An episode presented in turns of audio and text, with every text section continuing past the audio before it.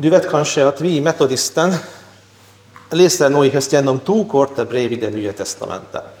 Det var två brev som var sända till en menighet i byn Thessaloniki.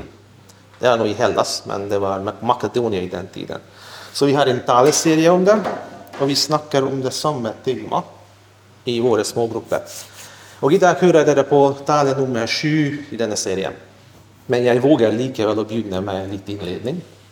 For jeg snakket med en forrige uke, og han sa att uh, vi er, i menigheten vi är flinke till att glemme ting.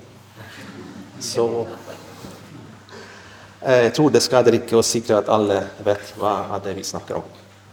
Så vi vet att menigheten i Thessalonika ble etablert när Paulus och Silvanus och Timoteus och flere andra forsynte evangeliet till dem. Og Thessaloniki det var en väldigt, väldigt stor by. Det var 200 000 människor i den tiden. Det var en enorm by.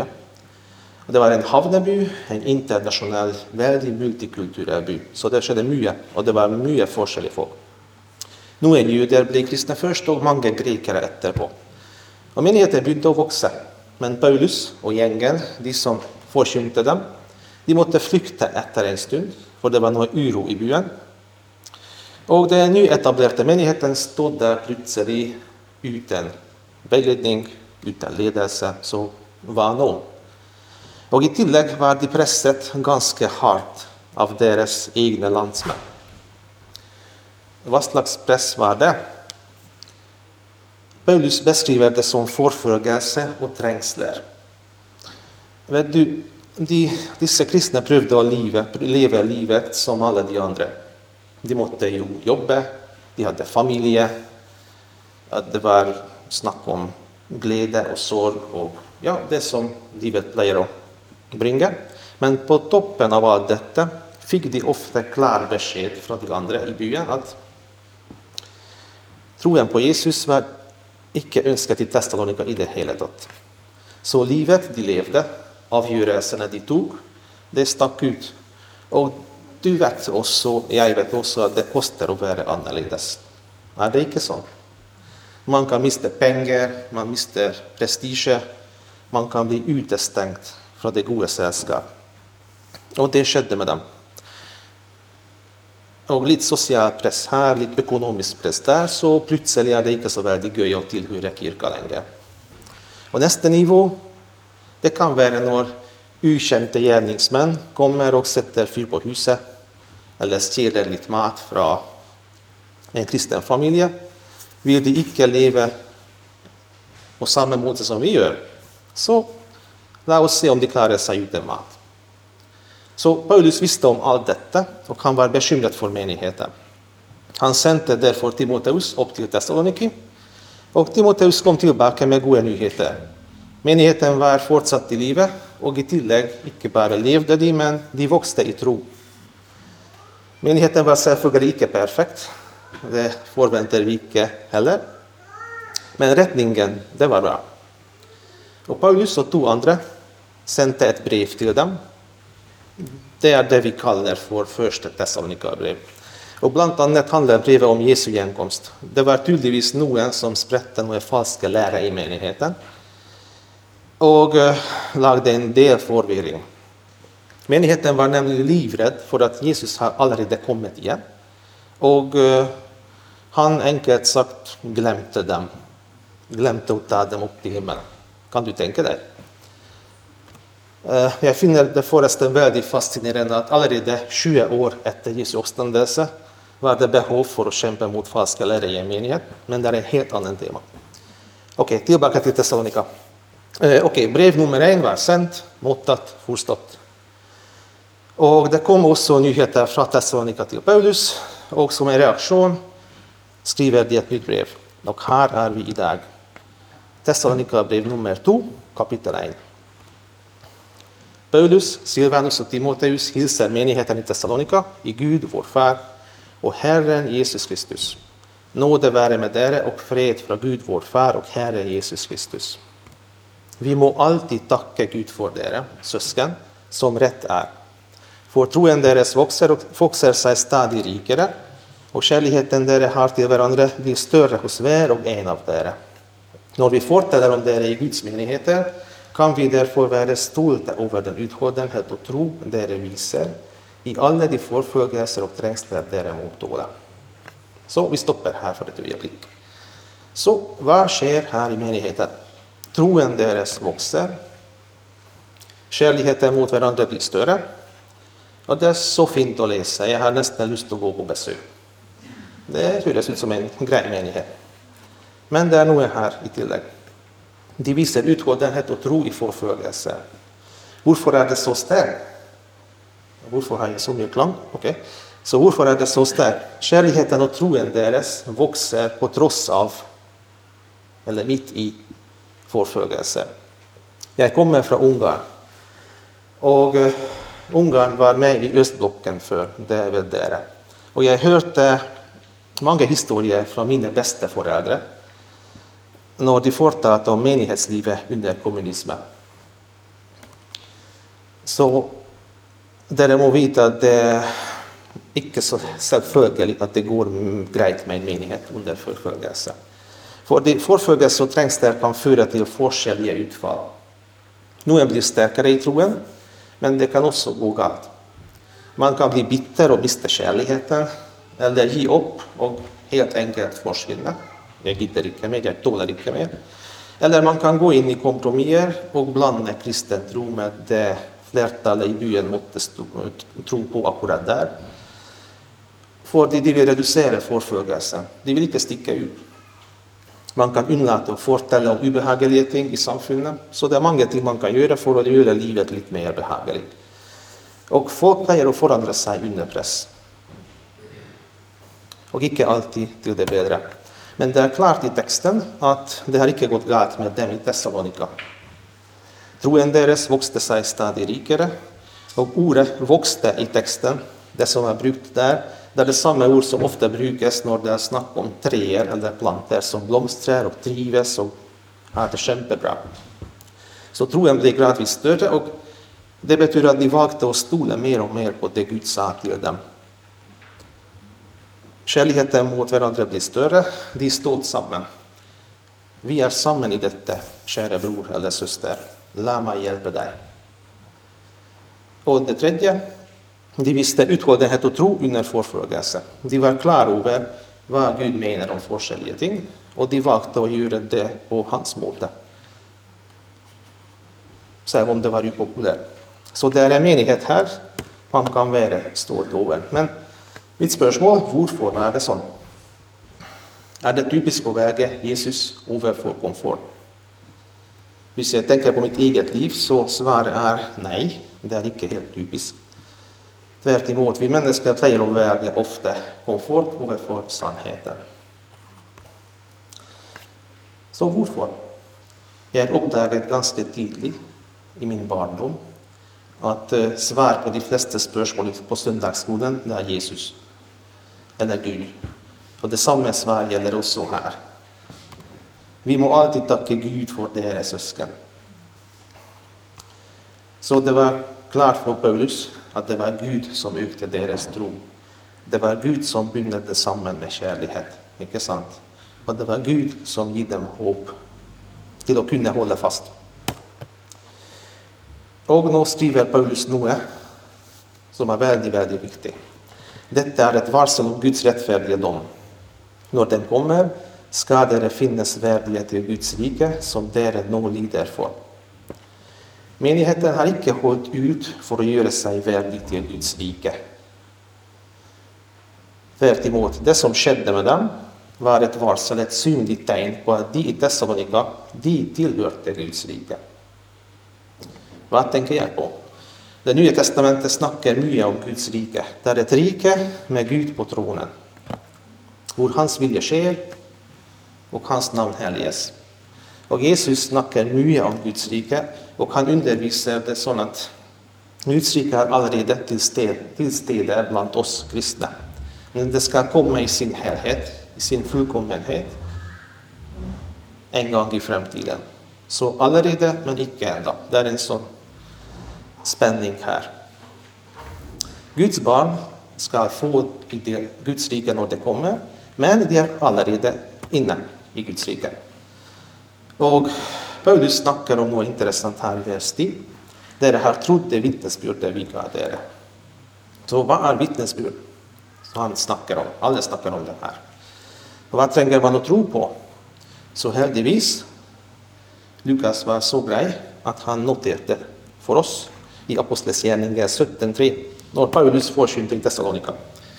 Han sier han öppnade Paulus öppnade skrifterna för dem og forklarte at Messias måtte lide og stå opp fra de døde. Og denne Messias, sa han, er Jesus, han som jeg forkynner for dere. Så Messias. Vitnesbyrdet begynner sånn at du er i trøbbel. Du står skyldig foran Gud. Du kan ikke ordne opp i dette sjøl. Du trenger hjelp. Du trenger noen som hjelper deg. Du trenger en som gjør deg fri. Du tränger en Messias, en frelser, en frigörare Messias måtte lida Varför? För din gärd är så stor att det förtjänar dödsstraff. Och en annan Messias, var villig att gå till döden och tog på sig din straff. Därför måtte Messias lida Men du får helt oförtjänt ditt liv i gave, ren Och som ett bevis Messias har stått upp. Så med detta bevisar han att han har verkligen gjort det han sa han ska göra. Och det sista pusselspelstycket här, denne Messias är Jesus. Så det är inte bara en eh, objektiv historia som ingen kan checka. Jo, det är faktiskt det är faktiskt han som levde där i Nasaret. Det är historiska fakta vi snackar om. Så varsågod, här är vittnesbörden. Och det är det som vi kallar för evangeliet. Jag vet, många vet det, men som sagt, vi i menigheter är flinke till att glömma ting, så kan inte skada. Och vad är grejen med den repetitionen? Jesus sa nu är kämpeviktig till Nikodemus. för så höjt har Gud älskat världen att han gav sin son, den enbårne, för att världen som tror på honom icke ska gå fortapt, men ha evig liv. Så slik kan man bli med i Guds rike, och därför ser jag att menigheten i Thessalonika var allerede med i Guds rike. och därför var det som de upplevde, det som var synligt i deras liv, ett synligt tecken på det att jo, vissa folk är kristna. Menigheten i Tessalonika var utsatt för en vranglära. Husker det jag sa att det var något som sprätte galna ting? och eh, menigheten følte seg forlatt og glemt. Hvor er du, Gud? Har du glemt oss?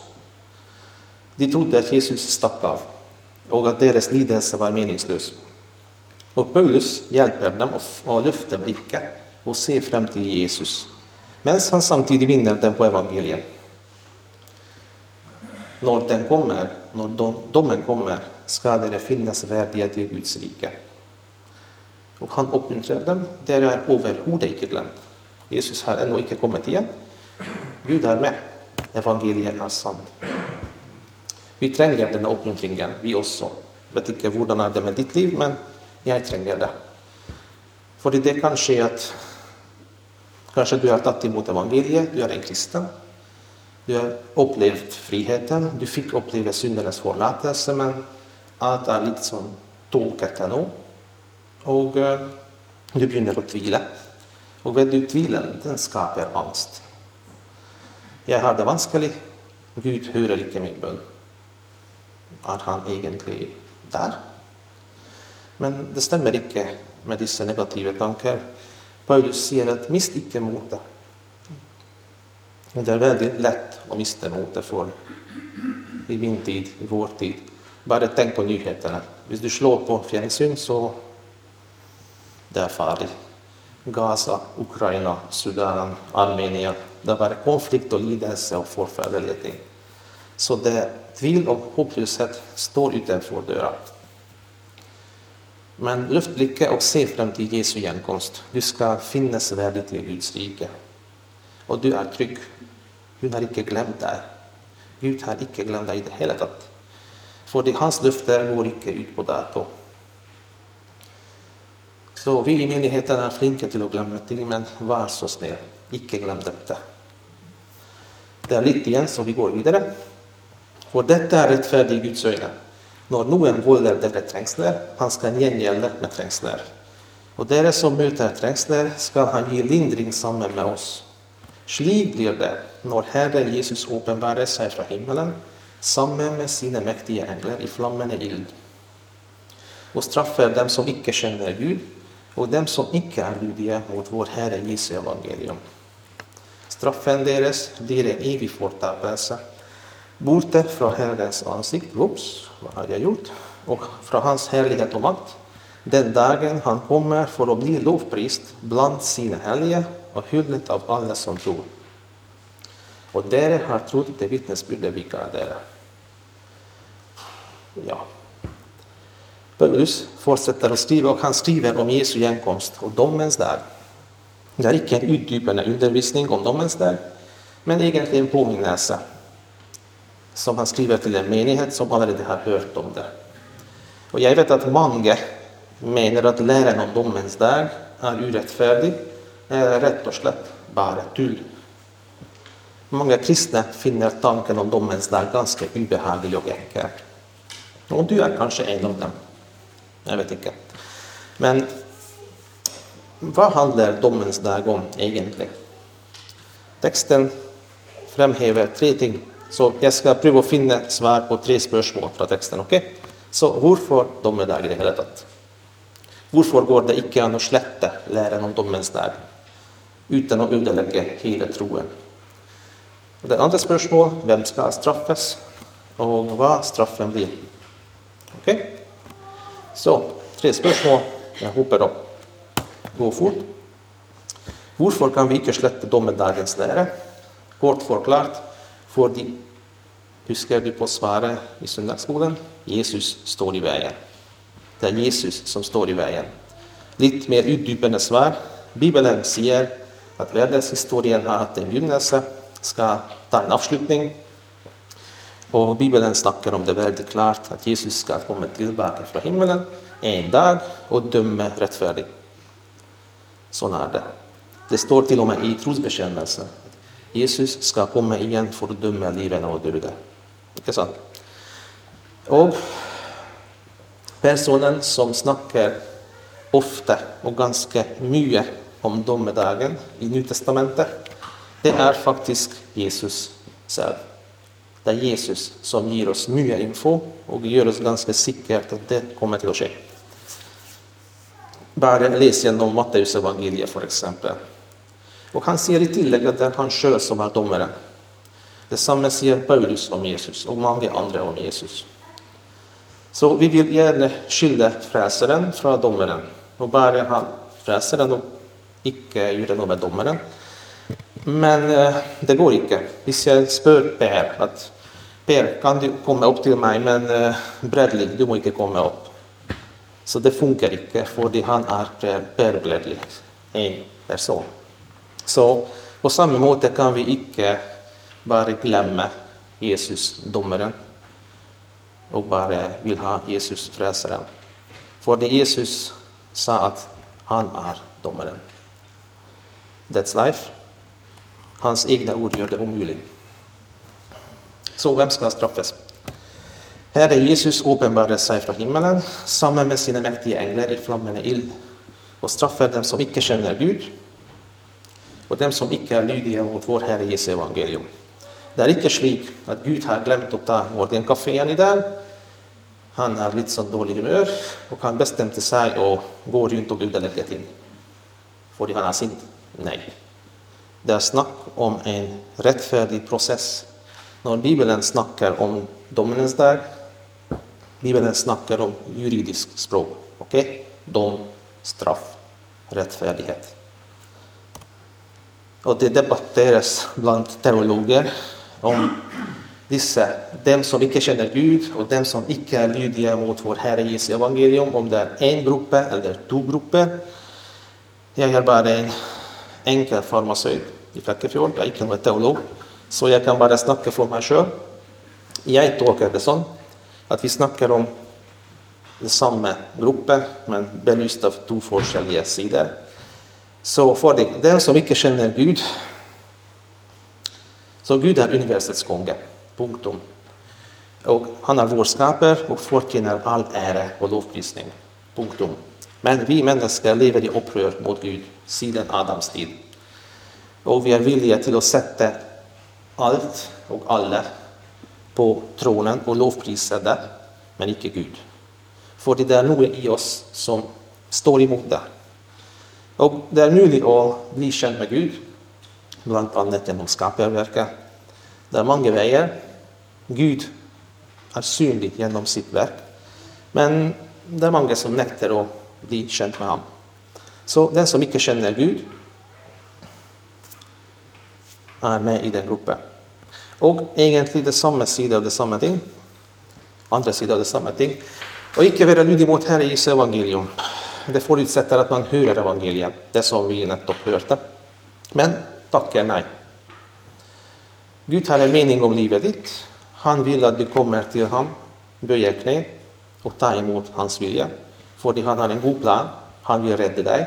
Men du säger nej tack, nej, det vill jag inte ha.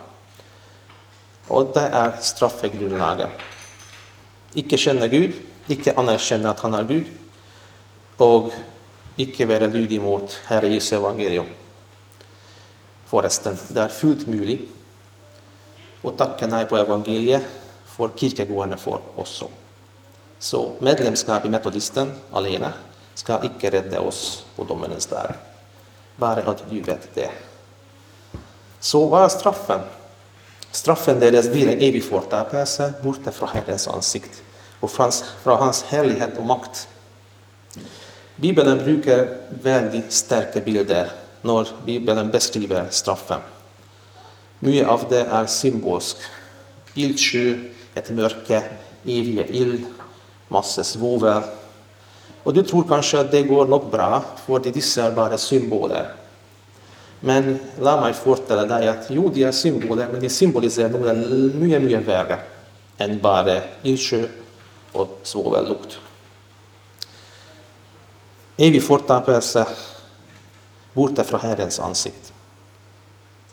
Det står skrivet i Jakobs brev att all god gave och all fullkommen gave kommer ovanför, från ham som är himmellysenes far.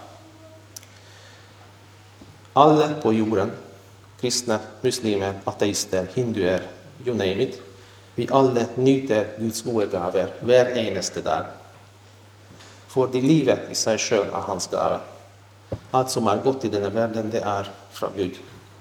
Det står här. Och tillbringa en evighet borta från hans makt och hans inflytelse. Det är helvete deluxe. Är det skrämmande? Ja, det är skrämmande. Att det är urättfärdigt? Nej, jag syns inte att det är urättfärdigt. Varför inte? För det helt enkelt sagt, Gud respekterar människans vilja. Så han ska icke tvinga hans närvaro på dig. Visst, du tackar nej på evangeliet. Det kommer en dag när Gud säger att okej, okay, ska icke masa på dig mer. Aldrig mer. Och där börjar förtapelsen. C.S. Lewis har skrivit en bok som heter Den stora skilsmissen. Och han skriver något ganska, ganska tankeväckande. Till slut är det bara två typer av människor. De som säger till Gud, låt din vilja ske. Och de som Gud till slut säger till, låt din vilja ske. Alla som är i helvete väljer det själv. Så, vi har snackat om en menighet som var angripet av tvivel och trängsel, men de har hållit ut. De var svaga, men de hade tro. Vi hörde en uppmuntring som sätter hela situationen deras i perspektiv och som ger oss ett perspektiv. Gud stack icke av. Vi har goda ting att vänta. Håll ut för Jesus och eh, gå icke efter den världen. För Gud har icke förändrat evangeliet. Vi har fått lite att tänka på runt detta med domens dag. Kanske vi känner lite bättre vem, varför och hurdan ska bli straffas. Och vi känner nu vad Herre Jesu evangelium handlar om. Och allt detta leder oss till vår sista punkt, allra sista punkt. Jeg påstår at dommedagen er en god nyhet. Jeg har mange grunner til å si det, men slapp av, jeg skal ikke snakke om alle gode grunner. Jeg skal nevne to. Okay? Så det første. Du som sitter her, og du som vet at du ikke er lydig mot vår Herre Jesu evangelium. Din avgjørelse er respektert av Gud, men det skal få evige konsekvenser. Jeg syns, og Gud syns, og alle syns, tror jeg, at det er bare rettferdig. Men husker du på fjellvettreglene? Nummer åtta säger att vänd i tide, det är ingen skam hos snu. Okay? Det är inte tillfälligt att kristna kallar andra till omvändelse. För det är ingen skam hos snu. För det är goda nyheter i det jag sa i dag. Den goda nyheten är domaren själv där Jesus Kristus. För det där, du är så totalt hopplös att Gud själv trengte och dö för dina synder. Det är sant. Men Jesus älskar dig så högt att han gjorde det. Han har gjort allt för att du kan slippa och gå fortapt.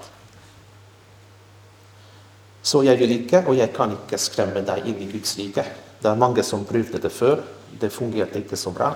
Du kan inte skrämma folk in i Guds rike. Men eh, jag vill helt utnyttja och stilla föreslå. Tänk lite på detta. För det är ingen skam och snu. Tror du inte att du kan stola på Jesus? Och om du är en kristen, du kan glädja dig till den dagen då han kommer igen. Är det inte så? Han ska hålla en rättfärdig dom, så hör här, ondskapen får icke herje till evig tid. Det er kjempegodt. Det er kjempeviktig å vite. Og vi skal bli tatt imot av Frelseren og inviteres rett inn i Guds rike. Jesus døde for å gjøre deg verdig til det. Den dagen han kommer for å bli lovprist blant sine hellige, hyllet av alle som tror, leste vi. Hva var den aller største feiring du har vært med på? Jesu gjenkomst skal blir noe uendelig mer og uendelig bedre. Han kommer for å bli lovprist blant sine hellige og hyllet av alle som tror. Vi skal hjem, og vi skal feire sammen med Gud. Og i mellomtiden Gud kaller oss til etterfølgelse. Derfor ber vi alltid for dere at vår Gud må gjøre dere verdige til det kallet dere har fått, og fylle dere med all vilje til det gode, och med en tro som med kraft visar sig i gärning. Då ska vår Herre Jesu namn bli äret hos dere, och dere få ära av honom. Ved nåden från vår Gud och Herre Jesus Kristus. Låt oss be.